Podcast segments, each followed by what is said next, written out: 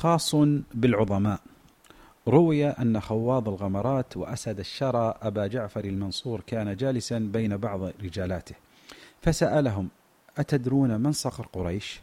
فكان ردهم أنت يا أمير المؤمنين. فأجابهم بالنفي ثم شرعوا في ذكر الخلفاء والعظماء والقادة.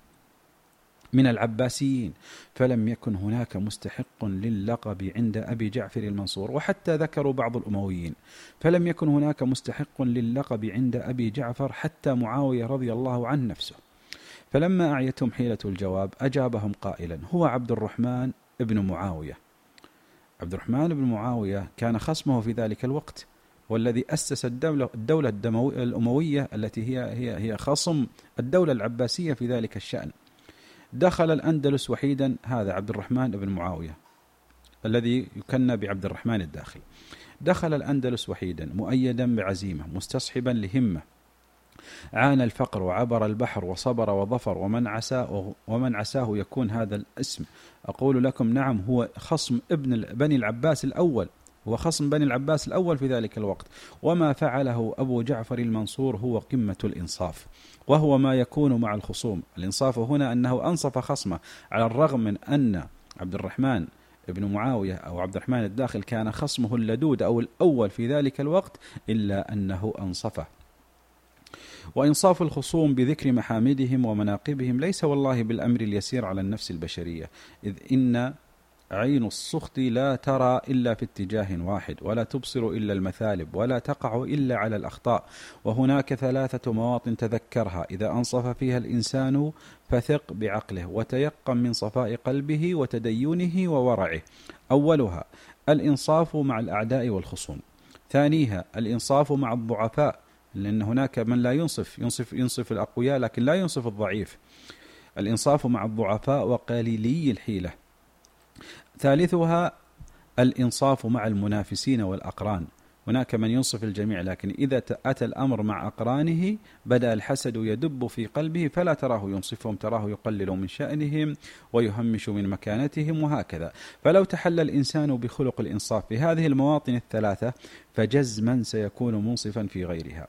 وللأسف إن الإنصاف السمة الصافي السامية والخلة الرفيعة أضحت نادرة بل هي والله أندر من الكبريت الأحمر. وقلما تجد منصفا مع الآخرين حتى مع خلو الحال من الخصومة.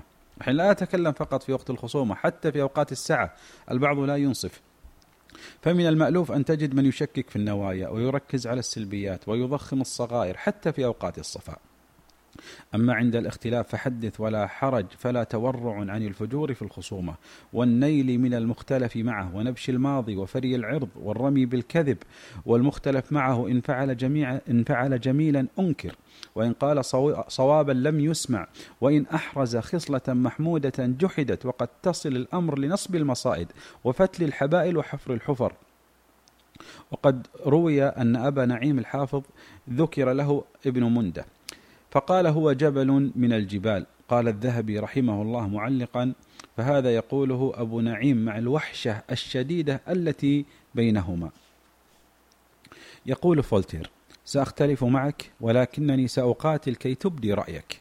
المنصف ناضج العقل وافر الحكمة لا ينسى سبق الخير ولا جميل الفعل ولا يتعامى عن الظروف والسياقات التي حملت المخطئ على على ما فعل. بل إن من قواعد الشرع والحكمة أن من غلبت حسناته وكثرت محاسنه وعظمت محامده فإنه يحتمل منه ما لا يحتمل من غيره ويعفى عنه ما لا يعفى عن غيره. عذره ممهد والعتب عنه محطوط فإن الخطأ الصغير مع جليل الخير كالخبث في النهر والماء إذا بلغ قلتين لم يحمل الخبث. إنه لأمر معلوم عند نبلاء الناس وحكمائهم. مستقر في عقول الأسوياء. أن, له أن من له مئات الحسنات فإنه يسامح بالسيئة. ولا يغيب عنا فعل حاطب ابن أبي بلتعة. وكيف أن مشهده يوم بدر يوم, يوم منع من ترتب عقوبته عليه. الحبيب منع منع العقوبة. قال الكلمة المشهورة قال لعل الله اطلع على أهل بدر فقال اذهبوا مغفورا لكم أو كما قال الحبيب صلى الله عليه وسلم. يقول ابن القيم رحمه الله والله تعالى يحب الإنصاف بل هو أفضل حلية تحلى بها الرجل والإنصاف يحبب صاحبه للناس ويجعله أكثر تأثيرا وأوفر احتراما. ويقول الإمام مالك رحمه الله ما في زماننا شيء أقل من الإنصاف. وقال القرطبي رحمه الله معلقا على كلام مالك هذا في زمن مالك فكيف في زماننا اليوم الذي عم فيه الفساد؟ وأقول أنا ما الظن بزماننا هذا؟ ويحمل البعض على عدم الإنصاف شدة اللؤم وقلة التدين. قلبه مريض وضميره سقيم ويعتبر أس الشر الحسد باعثا كبيرا ومحرضا قويا على عدم الإنصاف فالحاسد يتنكب الطريق السوي ويترك سبل الخير ويجعل من الحيف وقلة الإنصاف واختلاق الأباطيل وافتراء الكذب دربا للتقليل من, من قدر من يعاديهم أو من ينافسهم وسلما للحوق بهم. وأحسب أن أقصر طريق للإنصاف وأسهل وصفة له هي توجيه ابن حزم رضي رحمه الله حينما قال من أراد الإنصاف فليتوهم نفسه مكان خصمه. فإنه يلوح له وجه تعسفه. يعني ضع نفسك مكان صاحبك ثم تأمل في حالك وحاله. هنا سيظهر أنك افتريت عليه أو جرت عليه أو ظلمته أو, أو, أو, أو نلت منه.